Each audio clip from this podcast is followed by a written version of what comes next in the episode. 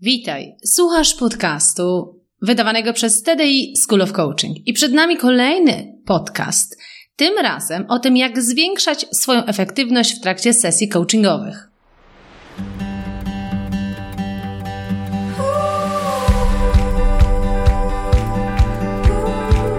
Witaj w serii podcastów TDI School of Coaching. Ja nazywam się Ela Krokosz i od ponad 20 lat zajmuję się tym, co jest moją pasją rozwojem potencjału ludzi. Dzięki pracy w wielu krajach wiem, że w nas jest dużo większy potencjał niż nam się wydaje. Moją rolą jest pomóc ludziom dostrzec swój potencjał, a potem zrobić wszystko, aby go wykorzystali.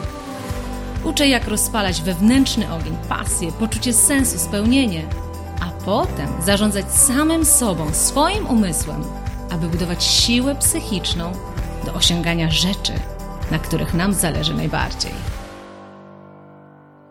Witam Cię bardzo serdecznie. Być może ten tytuł podcastu Cię troszkę zaskakuje, bo być może nie zajmujesz się coachingiem. Ale wielu z Was prosiło mnie o to, aby webinar, który miałam wielką przyjemność dla kilkuset osób poprowadzić dosyć niedawno, aby stworzyć z tego podcast i udostępnić to nagranie. Dlatego jeśli zajmujesz się coachingiem, to zdecydowanie ten temat się spodoba dlatego że będę w nim opowiadać właśnie o tym, jak to się dzieje, że mimo najlepszych naszych intencji coachingowych, nasi coachi nie osiągają efektów w coachingu. I w tym webinarze, który zamieniłam na podcast, mówię też o tym, kto tak naprawdę jest odpowiedzialny za te efekty, jak zadbać o swoją własną odpowiedzialność jako coacha. I nawet jeśli nie jesteś coachem, to i tak Ci rekomenduję posłuchanie tego podcastu, dlatego że ja z ciekawością obserwuję, że wielu z nas, którzy są w rolach zawodowych, przejmujemy odpowiedzialność nie za te rzeczy, co powinniśmy. Frustrujemy się, że mamy za dużo na głowie, albo frustrujemy się, że ktoś czegoś nie robi, a powinien. I wydaje mi się, że w tym podcaście jest taka wielka lekcja dla każdego z nas pod kątem, jak zwiększać w ogóle naszą efektywność, szczególnie w relacjach z kimś, z kim pracujemy. Nie przedłużając, dlatego że webinar jest długi, zapraszam Cię gorąco do posłuchania tego podcastu o tym, jak zwiększać efektywność w trakcie sesji coachingowych, ale też, tak jak mówię, jak w ogóle zwiększać efektywność w naszych relacjach biznesowych, zawodowych z innymi. Dzień dobry, witam wszystkich bardzo serdecznie na naszym e, webinarze, gdzie będę miała wielką przyjemność opowiadać o tym, jak zwiększać efektywność e, swoich sesji coachingowych właśnie jako e, coach. Dzień dobry, dzień dobry. Można się przywitać, można powiedzieć z jakiego miasta, dołączacie, bo biorąc pod uwagę dzisiejszy jakby sposób prowadzenia e, szkoleń, webinarów, to jest niesamowite naprawdę, że możemy być jakby w każdej części, czy świata, e, czy nawet tylko i wyłącznie w Polsce, w różnych miejscach. Okej, okay. Aneta z Gdańska, witam serdecznie. O, Ewa też z Gdańska, z Krakowa, z Warszawy, Zamość, Bolesławiec, Katowice. Super. Ja dzisiaj jestem we Wrocławiu, o Częstochowa, Jezioro Drawskie, czy ktoś jest na urlopie, Tarnów, okej. Okay. Blisko Wrocławia, o, super, super. No to fantastycznie. Słuchajcie, cieszę się bardzo, bardzo, bardzo, bardzo, bardzo, że mogę dzisiaj dla Was poprowadzić ten webinar. E, dlatego, że jeżeli jest coś, na czym mi bardzo mocno zależy, to jest zdecydowanie efektywność coachingu, ale dlaczego, to za moment też e, o tym powiem. E, mamy dzisiaj 60 minut, tak jak powiedzieliśmy, o z Islandii. Jaka tam jest pogoda, Agnieszka? To tak z ciekawością spytam, czy tam jest ciepło teraz, czy tam jest zimno, bo nie ukrywam, że o Islandii w czasie lata nie słyszałam. W związku z tym to jest też bardzo, bardzo e, e, ciekawe. Okay, może nam Agnieszka zaraz odpowie. Słuchajcie, mamy dzisiaj 60 minut, dokładnie godzina, dzisiaj pada jest zimno. To nie powiem Ci, jak jest w Polsce, ale myślę, że trochę też nam, nam by się przydało, bo mamy i tutaj nie powiem. Ale słuchajcie, mamy 60 minut, 60 minut naprawdę czystej takiej e, praktycznej wiedzy, e, która ma za zadanie zwiększyć Wasze kompetencje, jeśli chodzi właśnie o budowanie Waszej efektywności e, w sesji coachingowej. E, I ja się spytam, ponieważ za moment chcę się też e, słów kilka o sobie powiedzieć, czy się, się przedstawić, dlatego że mam pełną świadomość, jakby, że też chcecie wiedzieć, e, z jakiej perspektywy będę o pewnych rzeczach mówić, dlaczego akurat jakby będę mówić, że na to trzeba położyć nacisk, a nie, a nie na to. Mm, spytam się tylko tak, słuchajcie, czy wy jesteście pierwszy raz na moim webinarze, czy może znacie mnie troszeczkę, jedynka to znaczy pierwszy raz, a jeśli ktoś już zna, może był na jakimś innym webinarze, a może jesteście uczestnikami naszego programu, programu. Self-coaching program to też e, z chęcią, dobra, dobra pierwszy, pierwszy, kolejny, Agnieszka pisze, że kolejny, ok, pierwszy, dobrze, dwa, dwa, dwa, czyli kolejny, ok, kolejny, kolejny, no to super, to widzę, że wiele osób powraca, bardzo fajnie. O, Ewa jest też kolejny, jest na self-coaching program, super. E, tak, wiem, że słuchajcie, część uczestników też tutaj jak najbardziej jest. Dobra, Basia też pisze self-coaching program, super. Alicja, self-coaching program, dobra.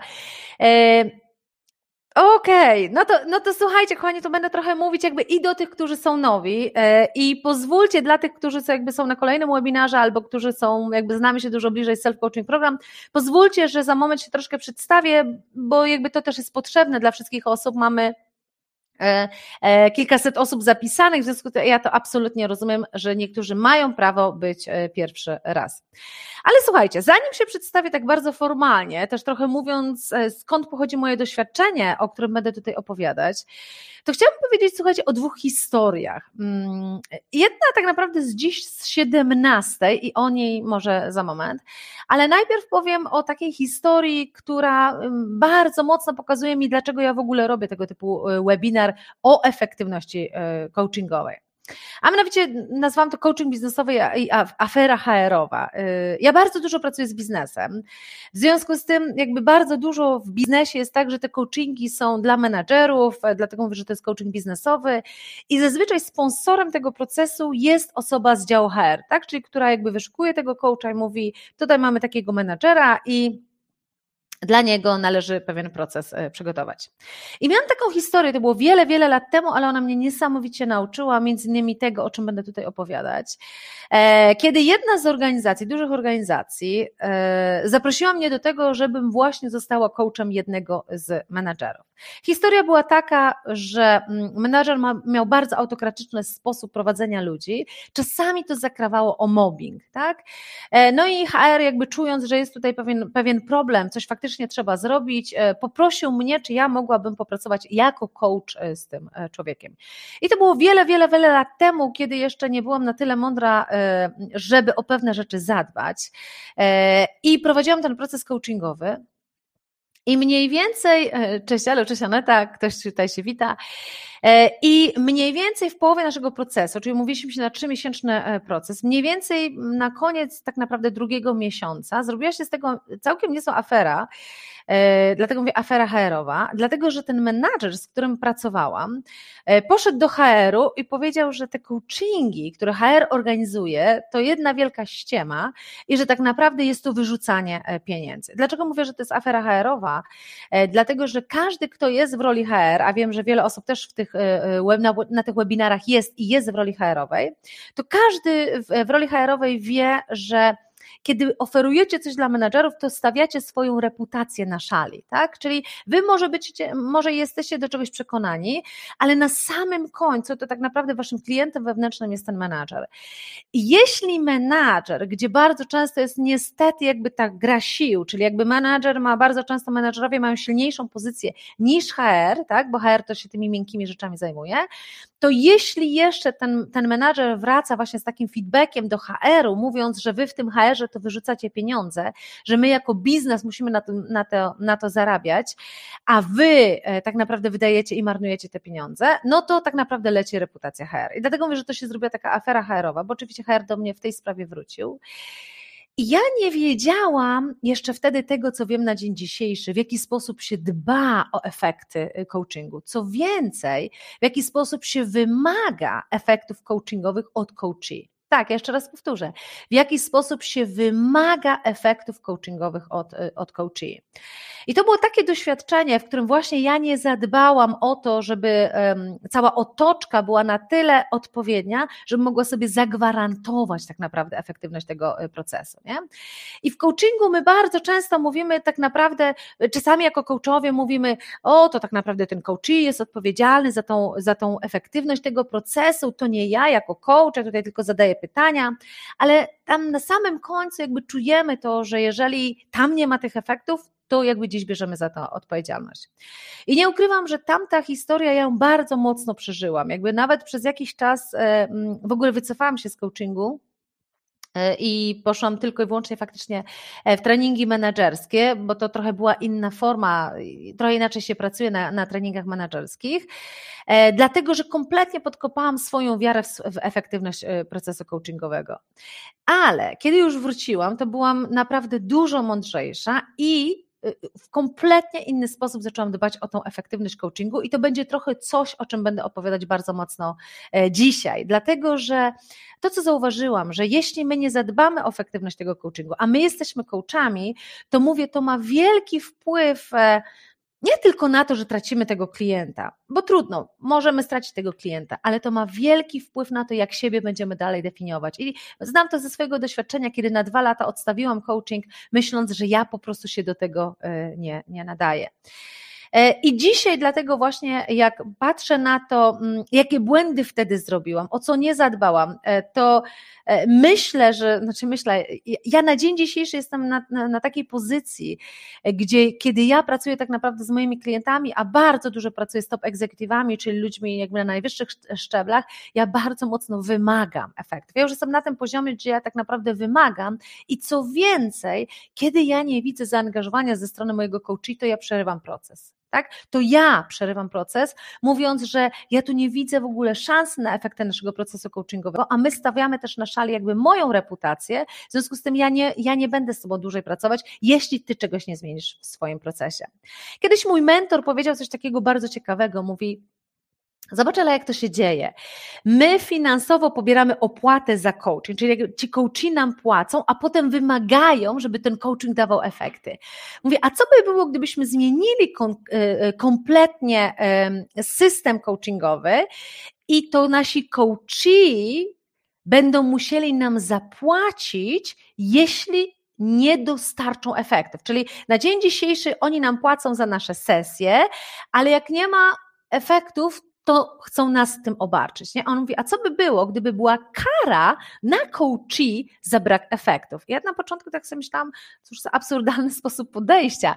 I oczywiście to nie zostało nigdzie wprowadzone, ale to ma taki sens i ten mentor mi bardzo długo to tłumaczył, ponieważ mój mentor jest ze Stanów, w związku z tym jakby trochę, trochę inaczej na te rzeczy patrzy, ale on mi powiedział właśnie coś takiego, tak naprawdę można by było powiedzieć, że jeśli tak naprawdę ten coachee czuje, że będzie musiał zapłacić karę za to, że na przykład pracował z tobą trzy miesiące, a nie osiągnął efektów, na które się omówiliśmy, tak, to zdecydowanie będzie miał dużo więcej mobilizacji w ogóle, żeby coś ze sobą zrobić. Kompletnie inna, inna koncepcja, ale bardzo, bardzo ciekawa.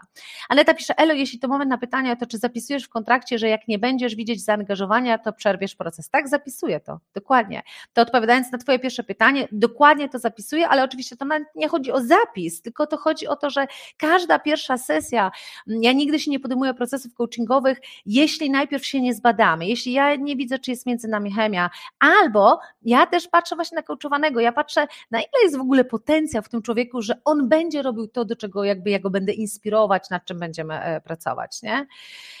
O, widzę, że przechodzicie do bardzo konkretnych pytań, to pozwolę sobie też już odpowiedzieć, ile trwa cały proces to różnie, między 3 a 6 miesięcy kontraktuję na początku e, i ustalając sobie wtedy cel, cel, cel rozwojowy, a jeśli się okazuje, że e, jakby widzimy, że posunęliśmy się bardzo mocno i jakby i po trzech miesiącach otwierają się kolejne klapki, to wtedy sobie kontraktujemy kolejne trzy miesiące. Nie?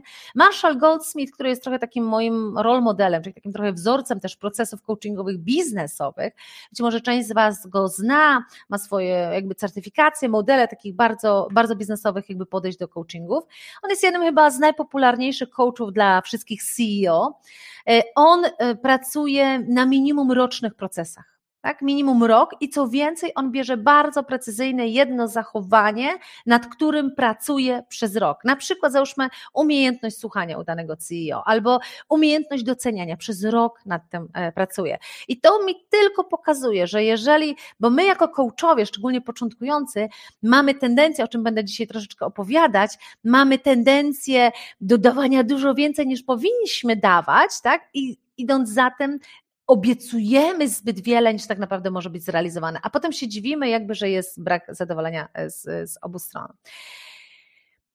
Także dzięki za Wasze pytania. Jak najbardziej słuchajcie, pytajcie, ja będę się starała albo w trakcie odpowiadać, albo troszeczkę później, to zobaczymy, jak to będzie pasować do naszego kontekstu, ale dziękuję bardzo za, za, za pierwsze pytania. Dodając tylko, ja powiem coś takiego, że E, to co, to, co jeszcze Aneta pytałaś, czy ja wpisuję to w kontrakt, bardzo często się okazuje, że kiedy my się na to umówimy z moim coachowanym i kiedy faktycznie powstaje taka sytuacja, że ja mówię, słuchaj, jest ryzyko, że będziemy musieli zakończyć ten proces, to to niesamowicie mobilizuje mojego coachowanego. Czyli takie troszeczkę, ja to mówię, stawianie do pionu, ale w tym dobrym tego słowa znaczeniu mobilizuje. Ale to jest też mój typ coachingu, jakby mm, ostatnio na self-coaching program e, pracowaliśmy na Akademii Talentów, o talentów Galupa i mówiliśmy właśnie o tym, jak talenty galupa, które masz, e, wpływają też na Twój sposób coachowania. I to jest też bardzo ważne, żeby to były gdzieś tam e, spójne e, z Tobą. Mm, Asia też pyta, ok, macie bardzo już konkretne pytania. Asia pyta, czy możesz podać przykład jednego z celów rozwojowych? Bardzo proszę. Na przykład z jednym z, z menadżerów, dyrektorów bardzo dużej organizacji pracowałam nad tym oczywiście, bo ja bardzo często robię feedbacki 360 wcześniej, czyli taki feedback, gdzie E, dla tych, co nie wiedzą, to tylko dodam. Mamy pewien model kompetencji i patrzymy, ok, jak ja oceniam siebie w tych kompetencjach, jak oceniam je mój przełożony, jak oceniam je moi podwładni i moi współpracownicy, tak? I dlatego to się nazywa 360. I z tego wyciągamy, gdzie jest problem, nad czym trzeba pracować. I na przykład jeden z moich coachowanych miał taki cel, mm, Miał w ogóle taką postawę, że bardzo wysoko stawiał poprzeczkę. Nazwaliśmy to, że stawia takie cele niemożliwe i jego to niesamowicie nakręca. I ten zespół podąża za nim, realizuje z, nimi te cele, z nim te cele e, niemożliwe, bo nie ma innego wyjścia ale nie jest to w atmosferze absolutnie motywującej, tak? Czyli nie jest to w, te, w tym kontekście, że i, i zespół się ce, e, ce, e, jakby cieszy z tych celów e, niemożliwych. I dla tego człowieka nasz cel rozwojowy polegał na tym, aby osiągać cele niemożliwe, ale w atmosferze motywującej. I to był nasz nadrzędny cel. I potem ten cel my rozpisujemy konkretniej, po czym poznamy, że my w ogóle w tamtą stronę zmierzamy. Czyli, y, bo oczywiście w jaki sposób mierzymy? No na przykład właśnie robimy, my zawsze sobie wybieram taką grupę interesariuszy, którzy będą mierzyć, czy w ogóle są postępy w moim rozwoju, tak? Jako na przykład jako tego menedżera, czy, czy ta atmosfera się poprawia, ale nawet dla ludzi trudno im ocenić, co to znaczy, że ta atmosfera jest bardziej motywująca. My sobie wtedy bardzo ładnie dodefiniowujemy, co to znaczy motywująca atmosfera i potem to mierzymy, tak? Na ile faktycznie jakby ludzie są, bo ludzie jakby co miesiąc udzielają feedbacku, to jest taki pewien system e, i są w stanie podawać, czy na przykład w ostatnim miesiącu sposób, w jaki z nami pracowałeś, osiągając te ambitne cele, bardziej nas motywowało. I na przykład przykładem takiego miernika jest to, czy pozwalasz nam w ogóle komunikować o trudnościach, bo dotychczas on ścinał wszystkie trudności. Mówię, dobra, ja nie chcę słyszeć o trudnościach, ja po prostu do przodu, nie? I jednym z mierników na przykład było to, że sprawdzaliśmy, na ile w ciągu ostatniego miesiąca on pozwala na to, e, poz, pozwalał ludziom na to, żeby artykułowali swoje e, trudności. E, dobrze, to, to jeszcze szybciutko odpowiem, zanim pójdę dalej, bo widzę, że zaczęło się od masy bardzo fajnych pytań. Ile sesji miesięczne lub co ile sesja? Ja mm, Coś ciekawe, ja w ogóle nie pracuję sesjami, czyli na przykład mamy tylko dwie sesje w miesiącu. Ja, ja mam takie kompleksowe całe programy y, na kilka miesięcy i na przykład mówię, w danym miesiącu e, my mamy szereg różnych rzeczy. Sesje są tylko jednym z elementów, ale my używamy wszystkich narzędzi psychometrycznych. Czasami możemy mieć konsultacje częściej niż, niż na przykład co dwa tygodnie, tak? Czy jakby mam, nawet, nawet mówiąc szczerze, nie wyceniam procesów coachingowych za sesje coachingowe, tylko wyceniam za miesięczną pracę, która obejmuje wiele rzeczy, ale gdybym miała powiedzieć, w jakiej częstotliwości pracuję, e, to to najczęściej jest to gdzieś co dwa tygodnie, tak? Co dwa tygodnie, ale to, to może się zmieniać. Nie, nie rzadziej niż dwa tygodnie, to też powiem. Czasami tylko chcę powiedzieć, że może być, że e, jest e, w pierwszej kolejności nawet mamy co tydzień, nie? Żeby, żeby pewne rzeczy sobie poustawiać. A gdy umawiasz się z HR-em na przeprowadzenie procesów coachingowych, na przykład z menedżerami, to przed samymi procesami robisz im szkolenie z tego, czym jest coaching, ale komu robię? Menedżerom? Czy robię szkolenie, z, czym jest coaching, czy HR-om, menedżerom. Ja im wtedy na pierwszej sesji takiej, gdzie w ogóle się zastanawiamy, czy w ogóle wchodzimy w ten proces, ja im wtedy opowiadam, jak się pracuje. I na przykład ostatnio podczas takiej jednej z sesji ja odmówiłam procesu coachingowego z jednym z menedżerów, e, dlatego że zobaczcie, coaching on buduje na czymś, co ten człowiek ma już w sobie, tak? Na pewnych kompetencjach też. Oczywiście holistycznie, to generalnie jakby ze wszystkiego można coś ulepić, nie? Ale ja widziałam jakby wyraźnie, że tam brakuje fundamentów umiejętności przywódczych, tak? I teraz powiedziałam, zastosowanie coachingu będzie za drogim rozwiązaniem dla tej organizacji, żebyśmy od razu pracowali jeden na jeden z tym menadżerem. I ja zarekomendowałam bardziej, żeby ten menadżer najpierw przeszedł pewien cykl szkoleń takich fundamentalnych menadżerskich, czyli żeby w ogóle zdobył jakąkolwiek wiedzę i dopiero potem możemy sobie robić jakikolwiek coaching coaching, bo coaching jest drogim rozwiązaniem, nie? Czyli tutaj edukuję, czym jest tak naprawdę e, coaching. Specjalnego szkolenia nie robię, bo jak mam, nie wiem, dwóch czy trzech menadżerów, nie robię, bo też biznesy tego nie kupują, nie? Chyba, że nie wiem, jest całe szkolenie e, z coachingu.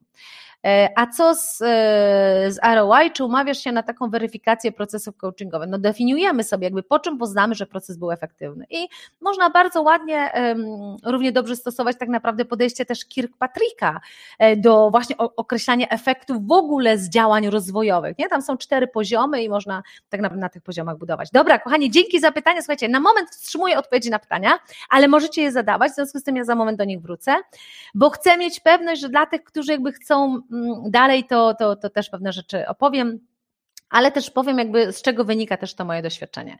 I tak jak powiedziałam, y, opowiadając krótką historię, że ja byłam w sytuacji, gdzie ten mój coaching nie był efektywny, wiem jaką cenę za to zapłaciłam i dlatego to mnie tak mocno wzmocniło, jak to robić kompletnie, y, kompletnie inaczej. Oczywiście musiałam wiele, nad wieloma rzeczami popracować, ja już nie mówię nad umiejętnościami coachingowymi, bo to jest to, co wy bardzo często robicie, że wyjdziecie do kolejnej szkoły coachingowej, tak, robicie kolejne, kolejne narzędzia coachingowe, a to nie to trzeba w was wzmacniać, nie? Trochę o tym też powiem, nie? Tutaj ja musiałam na przykład popracować nad swoją pewnością siebie jako coacha, żeby, żeby mieć odwagę wymagać, nie? I stawiać pewne warunki, nie? To już, to już się nie pracuje nad kompetencjami i z mojego doświadczenia ja właśnie widzę, jak wiele osób pracuje nad narzędziami coachingowymi, licząc, że jak pójdą do kolejnej szkoły coachingowej albo kolejną książkę coachingową przeczytają, to nagle będą efektywniejsi, a bardzo często jakby ten poziom merytoryczny już jest, Natomiast w waszych głowach nie jest to dobrze ułożone, jeśli chodzi o to, na ile was pewności siebie, wiary w siebie, zaufania do siebie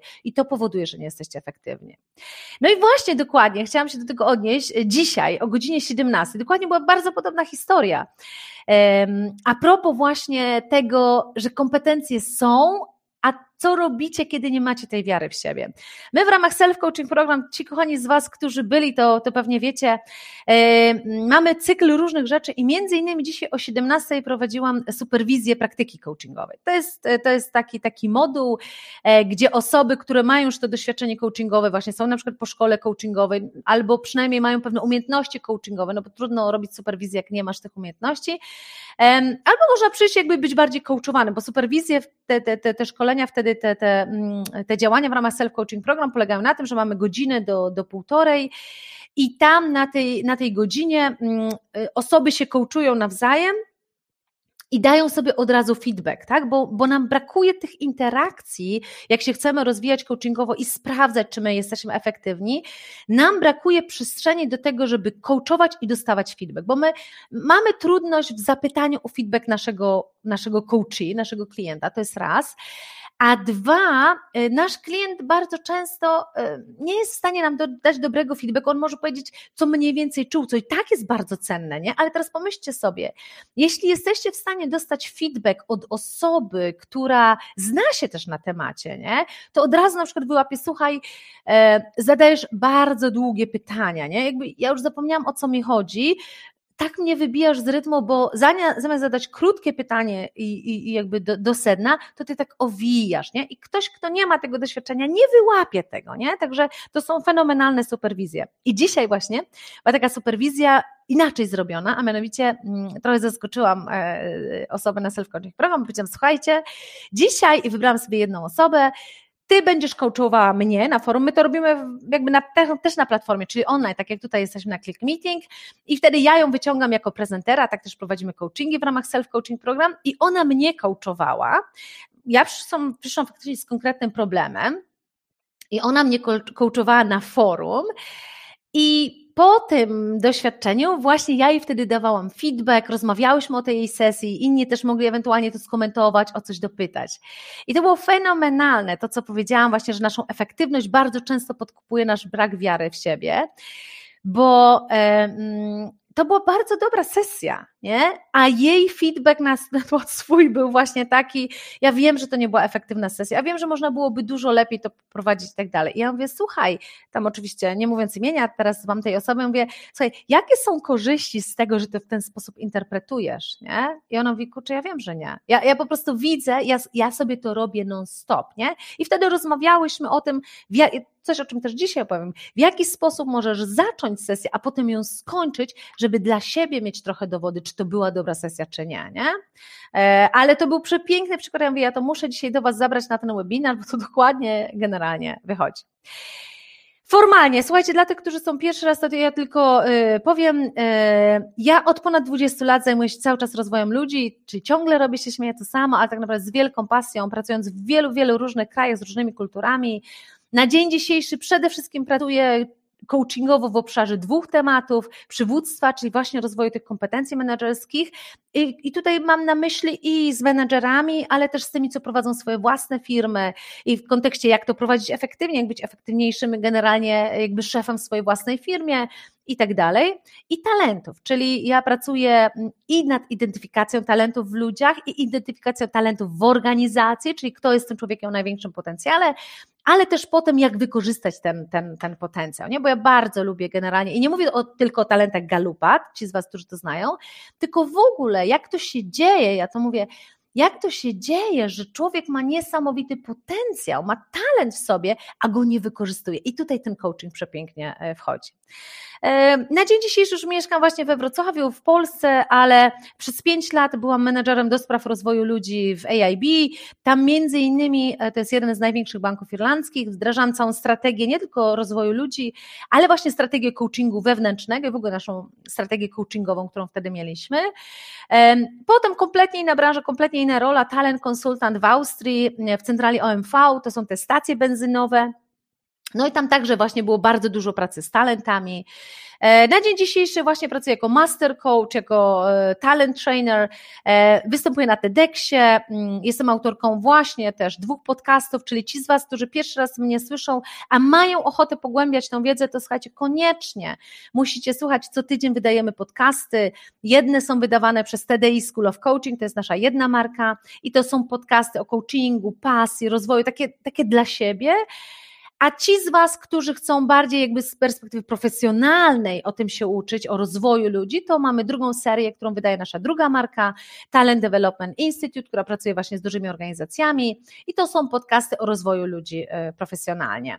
Jestem też autorką książki e, o odkrywaniu talentów, o odkrywaniu swojej własnej drogi i tam ci z Was, którzy pracują z ludźmi nad e, ich karierą, określanie ich talentów, ich drogi, ich wartości, to mocno Wam polecam tą książkę, dostępna w każdej księgarni, w Empiku, gdziekolwiek chcecie, bo tam jest wiele narzędzi coachingowych, które możecie e, wykorzystać. No dobrze, Odpowiadając już kilka rzeczy e, merytorycznie, już widzę jakby e, kim możecie być, ale mam takie pytanie, jakbyście mi powiedzieli, kim jesteście, jedynką, dwójką, trójką czy czwórką. I teraz Ten webinar jest tak naprawdę i dla tych, którzy są już po szkole coachingowej, ale muszą doskonalić ten warsztat, bo jeśli ktoś nie doskonali, to ja od razu mówię, to nie jest zawód dla ciebie, bo coach musi się non-stop szkolić, tak jak lekarz. Albo jesteście właśnie w trakcie rozwoju w szkole, ok, już się trochę piszecie, albo jesteście zainteresowani, ale w ogóle nie macie tutaj żadnej formalnej edukacji, ok, już widzę, że piszecie, albo jesteście w rolach HR-owych, gdzie waszą rolą jest coachowanie, czyli nie jesteście zewnętrznym coachem, ale jakby gdzieś tą rolę musicie też e, pełnić. Ok, to sobie patrzę, jedynka, trójka, czwórka, ok. Dwójka. Czasami możecie łączyć jakieś role, czyli na przykład być HR-em, ale nie być właśnie jeszcze e, kompletnie na przykład po coachingu. Albo na odwrót, być HR-em, tak jak tutaj Basia piszesz, jesteś i HR-em i jesteś po, po, po szkole coachingowej, ok, czyli trochę osób jest po szkołach też coachingowych, super. Okej, okay. dobra, czyli mamy ciekawy miks. E, mm, to wtedy będę wiedziała, jakby się do tego odnosić, dlatego że ja nie wiem, jakie było Wasze doświadczenie, jak szliście do szkoły coachingowej, ale mi się właśnie wydawało, że wystarczy zrobić szkołę coachingową i ja już będę mega profesjonalnym coachem. I dopiero się pułapka zaczęła, bo potem się pojawiła, ja zrobiłam tą szkołę coachingową, ale mówiąc szczerze, bardzo daleko, takie miałam poczucie, bardzo daleko miło, mi było do poczucia, że jestem efektywnym naprawdę e, coachem, nie? I ja to naprawdę takim, wiesz, ciekawością obserwuję, jak nam się wydaje, część osób, te, które powiedziały trójkę, czyli nie macie tej formalnej edukacji, ale bardzo Was interesuje, właśnie może być coś takiego, że macie nadzieję, że jak tylko zrobicie tą szkołę coachingową, to nagle będziecie profesjonalnym coachem. Najczęściej jest tak, że dopiero, w, no właśnie, Jadwiga pisze, to ja tak właśnie mam, właśnie, najczęściej jest tak, że wy robicie tą szkołę i dopiero widzicie, czego nie wiecie, nie? Może być też taka, jak ty piszesz, czyli nie masz e, szkoły e, coachingowej, nie masz tej formalnej tego typu edukacji, ale masz klientów i jesteś jakby bardzo dobra w tym. Tak też może być. No dobrze, okej. Okay. To teraz y, powiem też Wam, dlaczego tak naprawdę należy się pochylić nad tym tematem. Już nie chodzi tylko, dlaczego ja robię ten webinar, ale dlaczego naprawdę musimy się przyjrzeć efektywności naszych sesji. Bo tak, po pierwsze, ja widzę, że osoby, które są w coachingu i jakby chcą z tego zbudować biznes, czyli nawet nie wiem, wiele osób z HR odchodzi na przykład z HR, mówi ja teraz chcę być coachem, nie? Albo osoby nie są po HR, ale generalnie mówią to jest zawód, z którego chciałbym stworzyć zawód. Absolutnie nie buduje biznesów, jakie mogłyby zbudować na coachingu, między innymi właśnie dlatego, że nie osiągacie efektów w coachingu, tak? I w związku z tym trudno Wam uzyskiwać potem referencje od klientów, niby było fajnie w Waszym procesie, ale gdyby klient miał powiedzieć, ok, co mu to konkretnie dało, jakby jak go to posunęło w tym, gdzie miało go posunąć, to nie, to nie mamy e, czegoś takiego, nie? Albo też nie zarabiacie na coachingu tyle, ile powinniście, dlatego między innymi, że się boicie nawet poprosić o większe kwoty, bo wydaje wam się tak naprawdę, że nie macie jeszcze do tego odpowiednich kompetencji, nie? A co jest przewrotne bardzo często, jeśli czasami budujecie w sobie już to przekonanie i tą pewność siebie i zaczniecie prosić o większe pieniądze, to nagle się okazuje, że i efektywność wasza wzrasta, nie?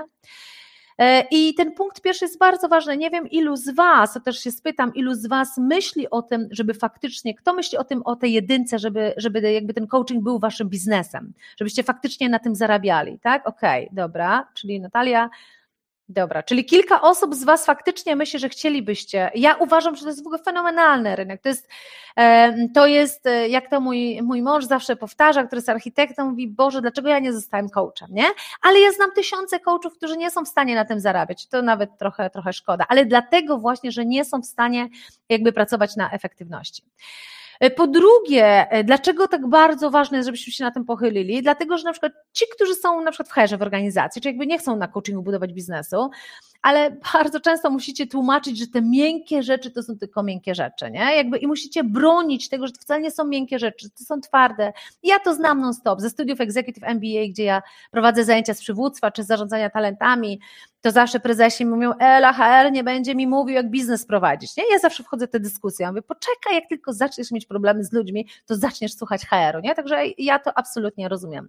I teraz jeśli nie mamy tej efektywności, jeśli nie umiemy tego robić, to bardzo trudno jest nam wybronić, że to jest, że to jest, e, e, że to jest twarde, że to wcale nie jest, nie jest miękkie. Punkt trzeci, słuchajcie, bardzo ciekawy temat. Wielu coachów wstydzi się tego, że ma taki zawód, czyli wstydzą się powiedzieć, ja jestem coachem, bo bo wiecie, jak, jak wygląda dzisiaj reputacja, jeśli chodzi o coaching, mamy bardzo dużo pseudo-coachów, tak? E, I w związku z tym tak naprawdę y, nawet czasami wstyd się przyznać, że jesteś coachem, nie? Ale jeśli masz to, to przekonanie w sobie i mówisz, wiesz co, mówiąc szczerze, jedni lubią brzoskwinie, drudzy lubią truskawki. Ty po prostu nie lubisz truskawek, nie? nie znasz się na truskawkach, dlatego jakby masz taką reputację coachingu. Ale jeśli ty w sobie masz silne przekonanie, a wielu coachów nie ma, wielu dlatego właśnie, że nie umie udowodnić tych efektów, nie umie jakby prowadzić przez te efekty, nie potrafi też wybraniać e, swojego e, zawodu i potem gdzieś tam mentalnie się tego e, wstydzi. No oczywiście punkt czwarty, tracimy klientów. Nie? Jak nie mamy efektywności, to naprawdę nie dziwmy się, że tracimy klientów. No i piąty, nie czujesz tyle satysfakcji z tego, ile mógłbyś. Na zasadzie takiej, to co się nawet dzisiaj przytrafiło na tej superwizji, że ta osoba, z którą pracowałam właśnie, gdybyśmy sobie tego nie naprostowały, gdybyśmy tego nie omówiły, to mogłaby wyjść z takim poczuciem, kurczę, czy ja się w ogóle do tego nadaję, nie? bo to się zaczyna tego e, i jakby spada naprawdę satysfakcja. Każdy z nas chce robić coś, e, z czego naprawdę mógłby być dumny, nie? I mówić, kurczę, robię dobrze swoją robotę. No dobra, to idźmy teraz, słuchajcie, czym jest coaching i dlaczego ta efektywność jest taka ważna i gdzie ona siedzi. Zobaczcie. ICF, myślę, że dla tych, którzy są po szkołach coachingowych albo co się interesują, to znacie ICF, International Coach Federation, jedna z najpopularniejszych w Polsce na pewno instytucji, która się zajmuje jakby trzymaniem tych standardów, jeśli chodzi o coaching.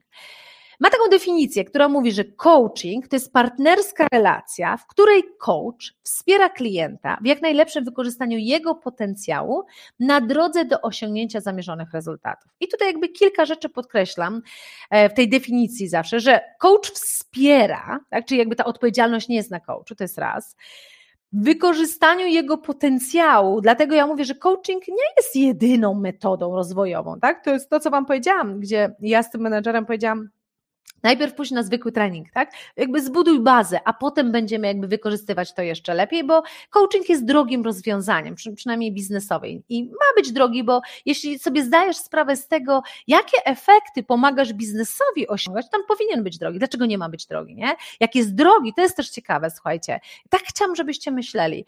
Jeśli jest też drogi, bo wiesz tak naprawdę, jak to się przykłada na biznesy, tak? Jak na przykład dzięki temu, że ten menadżer jest skuteczniejszy, jak to pomaga tak naprawdę lepiej cele osiągnąć organizacji, to dlaczego nie ma być drogi, nie? A po drugie, jeśli jest drogi, to nagle go wszyscy zaczynają dużo bardziej szanować, nie? Kompletnie inaczej się temu e, przyglądają. I to e, zwracam Wam uwagę na to, szczególnie ci, którzy ciągle coachują za, za jakby za darmo, nie? Czy jakby ciągle Wam się wydaje, że Wy się uczycie tych umiejętności, dlatego z darmo e, coachujecie. Zauważcie od razu, że jak tylko coś jest za darmo, to jakoś tak po tamtej stronie, po pierwszych dwóch, trzech sesjach jakby zapał siada, nie? I Wy zaczynacie zaczynacie to właśnie interpretować, że to jest coś złego z waszym coachingiem, a to nie jest tak. To jest po prostu, jak coś jest za darmo, to my tego nie szanujemy. No i jest trzecia bardzo ważna rzecz, słuchajcie, w tej definicji, a mianowicie coaching ma dawać rezultaty. Koniec, kropka. Nie? I to jest strasznie istotne. Teraz, kiedy mówimy o efektywności tak naprawdę e, coachingu, to dokładnie się do tego odnosimy, a mianowicie coaching ma dawać efekty. Nie? I oczywiście to coach definiuje, jakie ma mieć efekty, jakie chce mieć efekty. Ty jako coach stoisz na straży, musisz trochę powiedzieć, czy to jest możliwe, czy to nie jest możliwe, bo mm, zaraz będę mówić o błędach, które powodują, że ta efektywność coachingu jest słaba. E, brakuje nam odwagi trochę powiedzieć, oho, słuchaj, to ja ci od razu powiem, nie? To, co, to na co liczysz jest nie do zrobienia w ciągu trzech miesięcy, ale ja ci powiem, co jest do zrobienia w ciągu trzech miesięcy, nie? Czyli mm, albo na przykład może być, ok, to chcesz osiągnąć, nie ma sprawy, to będziemy pracować coachingowo, ale ja Ci jeszcze powiem, ile więcej innych rzeczy musisz zrobić, jeśli to jest efekt, na który, na który chcesz liczyć, nie? E, także coaching ma dawać efekty. Koniec, kropka. To nie jest wygadanie się. Oczywiście jednym z narzędzi coachingowych jest wentylacja, ale jeśli to jest tylko wentylacja, to to nie jest dobry coaching. No i teraz, jeśli jest taka definicja, to ja teraz chciałam coś pokazać, a mianowicie Chciałam pokazać główne błędy, które powodują, że nasz coaching jest nieefektywny. I tutaj mm, zaczęłam od czterech, ale mam jeszcze jeden slajd, trochę z innej perspektywy. A więc po pierwsze, mm, wielu z nas y, ma takie przeświadczenie, i to nawet dziś na tej superwizji ja tego użyłam, nawet jako coachowie nam się wydaje, że ten coaching to jest jakaś magiczna różdżka. Nie? I my trochę budujemy takie, y, takie wyobrażenie na temat coachingu u naszych coachowanych. Nie? I teraz jakby, ponieważ nam się wydaje, że to jest taka jakaś magiczna różdżka, że na pewno zawsze się pojawiają takie pytania, e, a które pytanie to jest takie najlepsze pytanie, nie? Znacie to być może też jakby ze swojej praktyki, nie? Które pytanie tak naprawdę najlepiej działa? I co jest przewrotne, ja to z ciekawością obserwuję, że to samo pytanie zadane jednemu coachowanemu, mówimy, końcu złapałem to najlepsze pytanie, idziesz do innego, a tam ono kompletnie nie działa, nie? Czyli nie ma magicznych pytań, są pewne zasady dotyczące pytań, tak? Czyli których musisz się trzymać, żeby coaching naprawdę wchodził na odpowiedni poziom, tak? Naprawdę dawał efekty, ale ogólnie nie ma pytań, które zawsze najlepiej działają, nie? Bo ja już to nieraz sprawdziłam, że to samo pytanie kompletnie nie, jak to mówimy w coachingu, nie rezonuje, nie? U, u innej osoby. Ale jaki jest problem z tą magiczną różdżką? E, a mianowicie wielu z nas jako coachowie, my sami myślimy, że ten coaching to jest taka magiczna różdżka. I mimo, że wiemy, że nie, to trochę takie oczekiwania mamy. I tak jak dzisiaj na tej superwizji się to wydarzyło, że ta osoba po tej mojej sesji mówi, wiesz, e, ja tak czuję, że to no nie było takie efektywne, jak powinno być, nie? I właśnie ja mówię, a czego oczekiwałaś? Czego oczekiwałaś, że co się wydarzy na naszej sesji, że co ty ze mną zrobisz, nie? Po czym poznamy, że to była niesamowita efektywność tej mojej sesji, nie? I tam dokładnie dochodzimy, że my jako coachowie bardzo często szukamy, że tam po drugiej stronie tego coachowanego będzie wow, i po prostu jest transformacja życia, nie? I trochę mamy takie spaczone wrażenie, nawet jako coachowie z tą magiczną różdżką, i kiedy nie widzimy czegoś takiego u naszych coachowanych, to zaczynamy czuć frustrację u samego siebie, nie? Natomiast coaching to nie jest żadna magiczna różdżka.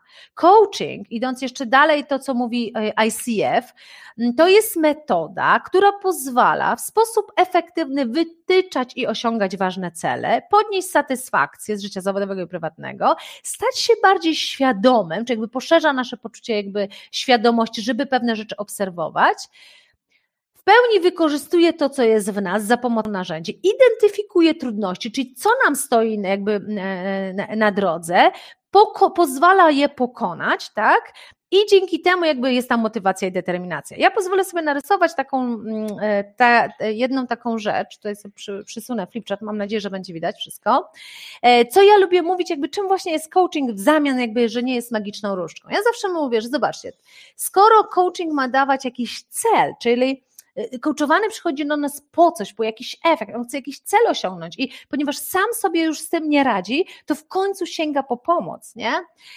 I teraz on nie osiąga tego celu, bo tu są jakieś blokady, tak? Czyli są jakieś blokady, jakieś przeszkody. I tu jest nasz coachowany, tak? Czy to jest? Jest, dobra. I tu jest nasz coachowany. Czy on ma spódniczkę, czy nie ma spódniczki, czy ma spodanki, czy, jakby, czy to jest mężczyzna, czy kobieta, bez różnicy. Ale tu jest nasz coachowany i on by chciał osiągnąć ten cel. Ale z powodu blokad, z powodu właśnie tych trudności, z powodu bardzo różnych rzeczy, nieumiejętności jakby e, widzenia inaczej, nieumiejętności obalania swoich ograniczających przekonań. No, cokolwiek my sobie tu powiemy, jest coś, co stoi, że tak powiem, na drodze do tego, żeby osiągnąć ten cel. I teraz co robi coaching? Tak naprawdę coaching robi dwie rzeczy. Albo pomaga temu człowieczkowi rosnąć, bo jeśli ten człowieczek urośnie, to nagle się okazuje, że ta przeszkoda jest dużo mniejsza. W związku z tym dosyć prosto wtedy przejść przez tą przeszkodę i osiągnąć ten cel. Nie? Czyli albo budujemy coachowanego, albo mówię, my obniżamy te blokady, tak? Czyli jesteśmy w stanie za pomocą różnych narzędzi coachingu, perspektyw czy różnych rzeczy pokazać, że wcale to nie jest aż taka blokada, jaką nasz umysł wymyślił, nie? I coaching tak naprawdę ma za zadanie doprowadzić do osiągnięcia tego celu i poprzez na przykład właśnie mówię oddziaływanie na tego człowieczka albo oddziaływanie na blokady, nie? Tak jakby przenosząc to bardziej tak, tak jakby obrazkowo na to właśnie, czym jest coaching, nie? To, co, o to, o czym mówi ICF, nie? Czyli um, pomaga osiągnąć ważne cele, ważne dla tego człowieka cele, nie? I tutaj oczywiście się robi wiele rzeczy, żeby zrozumieć, jakie to są ważne cele dla tego człowieka. A, jeszcze często się pracuje nad celem, to może jako trzecia rzecz powiem. Jeśli ten cel nagle bardzo mocno rośnie, to nagle się okazuje, że i moc się pojawia w tym człowieku. Ja to zawsze pokazuję. Zobaczcie na przykład jakaś mama, która mówi, że mm, nie ma w sobie pewności siebie, żeby to swoje dziecko walczyć, ale niech się coś stanie temu jemu dziecku, nie? Temu, temu, dziecku, to nagle się okazuje, że tam jest taki power, że jakby jest w stanie góry przenosić, nie? Czyli czasami się pracuje nad celem, czyli jak spowodować, żeby, żeby ten cel wyglądał tak atrakcyjnie, że zapominamy o tych trudnościach, nie?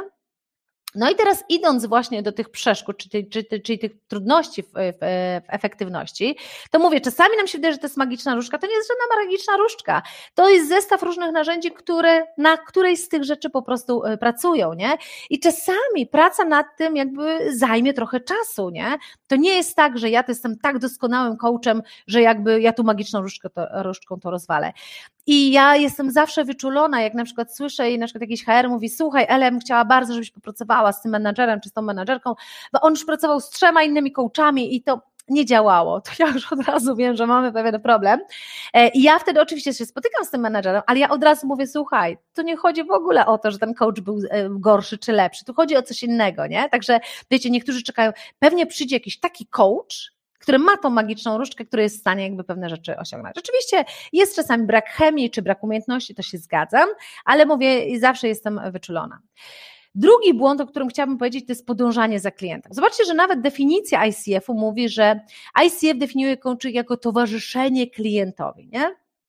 I my bardzo często mówimy, że, że w tym coachingu trzeba podążać za klientem. I oczywiście, że trzeba podążać, ale problem czasami polega na tym, że my tak podążamy za tym klientem, że na przykład mówimy, on chce się po prostu wygadać, tak? I tutaj za moment, jakby powiem, trochę połączone właśnie z trójką, czyli trochę zabawa w terapeutę, e, w tym sensie, że coaching jest nastawiony na przyszłość, nie? Coaching nie grzebie tak mocno w przyszłości, chociaż czasami tam zagląda, żeby pewne rzeczy zrozumieć, ale jeśli tam są mega problemy, no to jakby to już jest bardziej terapia.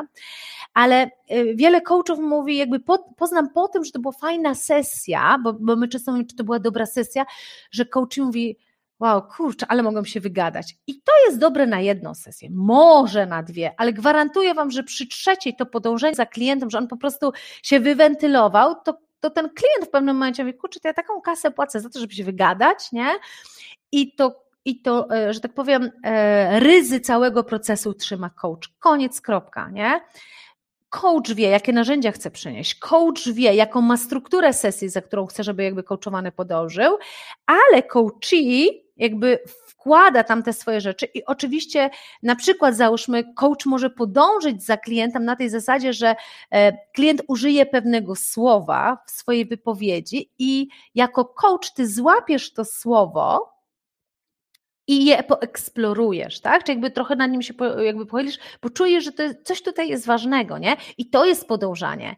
Ale generalnie podążanie za klientem na zasadzie w trakcie całej sesji nie jest absolutnie dobrym rozwiązaniem. Zaraz jeszcze o strukturze sesji powiem, to się też do tego odniosę. No i czwarte, yy, yy, słuchajcie, chciałabym to powiedzieć bardzo otwarcie i to szczególnie dla tych, którzy też są po szkołach coachingowych, nie wystarczą narzędzia coachingowe. Wy jako ludzie musicie pracować nad sobą jako nad ludźmi, tak? Czyli nie tylko nad sobą jako nad coachem, czyli żeby no, kolejne narzędzia wzbogacić, nie? Tylko to jest to, co nawet Wam tutaj mówię, w tej efektywności. Jeśli Wam brakuje pewności siebie, zaufania do samego siebie, wy sami macie różne ograniczające przekonania, to wy automatycznie przeniesiecie to na swojego klienta. Niestety to tak działa, nie? Jeśli na przykład, jak ja to mówię, nie rozpalisz innych, jeśli sam nie płoniesz, jeśli na przykład twój coachowany przychodzi i mówi, kurczę, mam takie marzenie, które chciałbym zrealizować, a wy w swoim życiu o wielkie marzenia nie walczycie, to niestety, ale będziecie ograniczać swojego klienta. Nie? W, tym, w tym kontekście nie chodzi mi o to, że musicie robić coś wcześniej, zanim wasz, że tak powiem, coachowany, to nie też o to chcę powiedzieć, ale musicie być krok do przodu przed waszym coachowanym. Musicie też, y, jeśli na przykład widzicie, że wam brakuje trochę pewności siebie, a coachujecie kogoś z pewności siebie, to nie chodzi o to, że wy macie być mega pewnym siebie coachem, ale jeśli wy nad tym nie pracujecie, to nie jesteście wiarygodni niestety, nie? Ale jeśli na przykład pracujecie nad swoją pewnością siebie, to nie musicie udawać najpewniejszego coacha na świecie, ale możecie, możecie pokazać nawet, wiesz co, ja też mam czasami z tym wyzwanie, ja Ci powiem, co ja na sobie próbuję, jak ja to testuję i wtedy możecie też budować e, wiarygodność. Choć uwaga, kiedyś widziałam okropną rzecz, która mnie bardzo zniechęciła. Na jednej z grup e, facebookowych była taka coach, która miała dosyć sporą taką grupę osób i chyba na trzy takie live trafiłam, na których ona sama siebie wentylowała, mianowicie tam zaczęła płakać y, nad jakimiś wyzwaniami, które ma. I ona y, czuła, że dzięki temu tak naprawdę zbuduje tą relację ze swoimi osobami a stało się coś wprost przeciwnego, a mianowicie musisz mieć bezpieczne warunki, w których możesz się wywentylować, musisz mieć bezpieczne warunki, dlatego, dlatego tak ważna jest ta superwizja, czyli jakby bezpieczne warunki, w których popracujesz nad sobą, tak, żeby potem e, jakby wnieść siebie w odpowiedni sposób, bo ty możesz przyjść i powiedzieć, słuchaj, ja też, ja, ja wiem o czym ty mówisz, tak, dzięki temu budujemy też tą relację, tak, to jest to, co ja wam mówię, to nie jest tak, że ja zawsze miałam wielką pewność siebie i w ogóle moje sesje coachingowe zawsze były super, absolutnie nie, miałam taki etap tak jak Wam powiedziałam, na dwa lata w ogóle zarzuciłam coaching, bo tak mocno straciłam wiarę w siebie i musiałam odbudowywać nawet nie warsztat coachingowy, ale musiałam bardzo mocno pracować nad sobą, jako nad osobą, nie? I mocno Wam to podkreślam, że musicie pracować nad sobą jako nad e, człowiekiem. Idąc dalej, jeśli chodzi jeszcze o efektywność, co bym chciała powiedzieć? Mm, czasami stosujemy bardzo płaską strukturę sesji, czyli e, mm, my e, tak bardzo chcemy, żeby były efekty, i wielu z nas myśli, że efekty będą wtedy, jak po prostu ten człowiek zaplanuje jakiś plan działania. Nawet dzisiaj na tej superwizji właśnie wyszło, jak ta osoba, która mnie coachowała, mówi: No, okej, okay, dobra, tu możemy być spokojni, bo masz plan działania, a czasami w ogóle nie o plan działania chodzi. Ja to czasami mówię, że w coachingu chodzi o to, żeby nadmuchać balon klienta. Nie? Celem sesji coachingowej, mówię na przykład o sesji teraz, nie o całym procesie, ale o celem sesji czasami coachingowej jest dmuchanie balonu klienta. Na tej zasadzie, że klient mówi: Wow, kurczę, teraz na to patrzę z innej perspektywy. Czuję, że mam większą moc. On oczywiście nie używa tego języka, nie? ale czujecie, że po tej sesji z wami podniósł się poziom energii nie? Z, z, tej perspektywy. Czasami ten poziom energii podniósł się, może być przez rzecz niemiłą, a mianowicie uświadomiliście temu coachowanymi pewną rzecz, na którą on nie miał ochoty, nie? Ale była tam pewna energia, która dopiero stworzy plan działania, nie? I wielu coachów stosuje taką właśnie bardzo płaską strukturę, e, strukturę sesji, w której właśnie jakby na przykład już powiedzmy sobie grow, nie? Wielu z Was zna tak naprawdę model grow i grow jest przepięknym modelem, ale my bardzo często go spłaszczamy, czyli okay, jaki masz cel na sesję? Reality, czyli z czym przychodzisz, nie? To słuchajcie, może też um, napiszę, bo za moment będę się tylko odnosić, nie? Czyli mamy strukturę grow, wielu z Was zna też grow, to się odnoszę, czyli Struktura sesji. G, czyli goal, jaki masz cel na sesję, bo teraz mówię na przykład o sesji pojedynczej. R, jakie jest reality, czyli co się dzieje w rzeczywistości. O, jakie masz opcje, options, czyli jakie możliwości, możemy to eksplorować. I will, czyli w takim razie, ok, jak, jaką decyzję podejmiesz, taki, taki trochę taki plan działania jakby, nie? I można ten krok zrobić właśnie bardzo płasko, gdzie mm, bardzo szybko chcemy przejść do will, bo my tak czujemy, że jak on już będzie miał ten plan działania, to będzie ta efektywna sesja. I, I po tej sesji, tak jakby, dlatego mówię, że to jest taka płaska ta struktura, bo tak ten coachowany mówi, okej, okay, no mam plan działania, ale mówię szczerze, że to jest coś, co mogłem też sam wymyślić i nic tu odkrywczego na tej sesji się nie wydarzyło, nie? I to, co bardzo często robimy właśnie, to pójdę od razu do trójki, używając grow, że bardzo mocno wielu z nas utyka na R czyli na eksplorowaniu reality, nie? Przyjrzyjcie się temu, jak często coachowany przychodzi z jakimś problemem i przyjrzyjcie się, jaki procent czasu waszej sesji poświęcacie na eksplorowanie, ok, a co się wydarzyło, a jak myślisz, dlaczego to się wydarzyło, e, e, kto to to zrobił, ok, a co ty wtedy zrobiłeś, podświadomie my jako coachowie bardzo mocno staramy się zrozumieć, co się wydarzyło, bo trochę to, co też dzisiaj wyszło na sesji, y, mm, jak osoba mówi, Ela, wiesz co, mam pustkę. Mówiąc szczerze, mam pustkę, ale pustka wynikała z tego, że osoba nie wiedziała, co mi podpowiedzieć dalej, nie? Dlatego właśnie wy tak dużo pytań zadajecie z poziomu reality, żeby tak jakby mieć bardzo dobre rozeznanie w tej sytuacji, żeby za moment się jakimś rozwiązaniem y, podzielić. Nawet podświadomie. Zobaczcie sobie, my, ja, ja kiedy uczę strukturę sesji coachingowej, to pokazuję, jak to powinno być procentowo rozłożone, nie? I wielu z was y, tutaj y, w tym siedzi i to powoduje, że później nie macie tych efektów tak naprawdę coachingowych, bo to takie jest, tak jak mówię, no takie, takie że tak powiem, płaskie. No i drugi punkt, na który chciałabym bardzo mocno zwrócić uwagę, brakuje bardzo celu, bardzo często celu, kontraktu, a potem braku trzymania się celu i kontraktu. Monika pyta, a jak wybijać e, z R? Zaraz powiem. E, czyli brakuje celu kontraktu i braku trzymania się tego celu. Oczywiście, kiedy mówię kontrakt, to możemy mówić o celu czy kontrakcie na cały proces, czy na przykład na kolejne trzy miesiące, na co się umawiamy. I teraz non-stop, szczególnie to tego się trzeba trzymać w dłuższym procesie, bo nasz coachowany będzie miał tendencję do dodawania nowych rzeczy, bo jak, no trochę jak z cebulą, jak wiecie, ściągamy jedną warstwę, to się okazuje coś innego, ściągamy i, i on może mieć tendencję skakania z celu na cel, bo to jest takie fascynujące. I wy podążając za klientem możecie zrobić to samo. Natomiast ja na przykład każdą sesję coachingową w procesie, na przykład 3 czy 6 miesięcznym, zaczynam od tego, że wyświetlam na nasz, nasz cel coachingowy. Mówię, słuchaj, to jest nasz cel coachingowy na ten proces, tak? Czyli jakby cały czas sobie przypominamy, nad czym my pracujemy, nie? I potem jakby, jeśli coachowany miałby ochotę pójść w inną stronę, to ja zawsze się pytam, słuchaj, jak to, że pójdziemy w tamtą stronę, pomoże nam w tym celu. I jeśli widzimy link, czy ja, czy coachowany, że faktycznie nam to pomoże, to możemy pójść w tamtą stronę, nie? Ale nasza tendencja jest bardzo często właśnie zbaczania z kursu podążania za klientem. I bardzo często to się dzieje na poziomie G, to co powiedziałam, że w ogóle nie mamy celu na sesję, nie? Czyli się pytam, ok, z czym przychodzisz, nie? Czy jakby na przykład otwieramy i ta osoba zaczyna opowiadać, wentylować się i oczywiście to jest bardzo ważny element tej, tej, tej, sesji. Natomiast problem właśnie polega po, na tym, że my potem nie powiem, ok, to co robimy, nie? I czasami ktoś przynosi tak wielką kobyłę do omówienia i to nasza jest rola jako coacha, powiedzieć, słuchaj, to jest bardzo fajny temat, on jest bardzo duży. W kontekście tego tematu na czym chcielibyśmy się skupić przez kolejne 30 minut? Na przykład mamy 30 minut sesji, nie?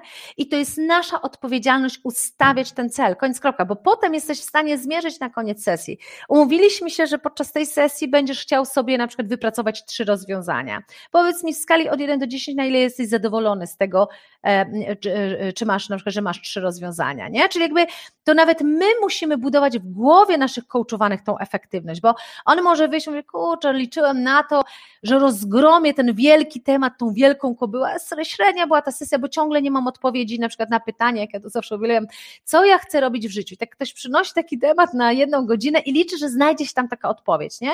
I to nasza jest wtedy rola powiedzieć, słuchaj, to jest bardzo duży temat, w kontekście tego, że chcesz odkryć, co chcesz robić w życiu, co moglibyśmy zrobić dzisiaj podczas naszej sesji godzinnej na przykład, nie? No i wtedy możemy sobie powiedzieć, ok, ktoś powie, to chciałbym się przyjrzeć, gdzie dotychczas byłem i dlaczego z tamtych miejsc nie byłem zadowolony. To możecie jeszcze mocniej zawężyć, powiedzieć, słuchaj, ok, to ilu miejscom chcemy się przyjrzeć, tak żebyśmy jakby, wiesz, jeśli starczy czasu na więcej, to super, nie? I trzy. No i teraz masz koniec sesji, mówisz, słuchaj, naszym celem było to, żebyśmy się przyjrzeli trzem rzeczom, gdzie byłeś, żebyś trochę sobie zrozumiał, dlaczego tam nie byłeś zadowolony. Udało nam się nawet cztery, nie?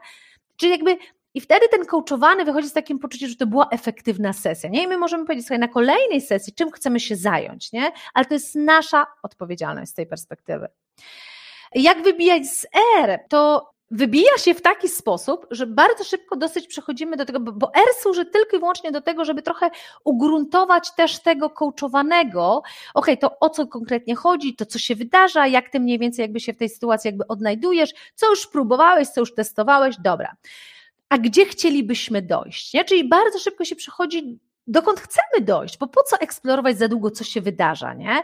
Chyba, że jest e, model na przykład a propos właśnie nie taki płaski, tylko głęboki, który my na przykład stosujemy w self-coaching program w ramach e, właśnie struktury sesji coachingowej, gdzie eksplorujemy to R, ale na kompletnie innym poziomie, nie?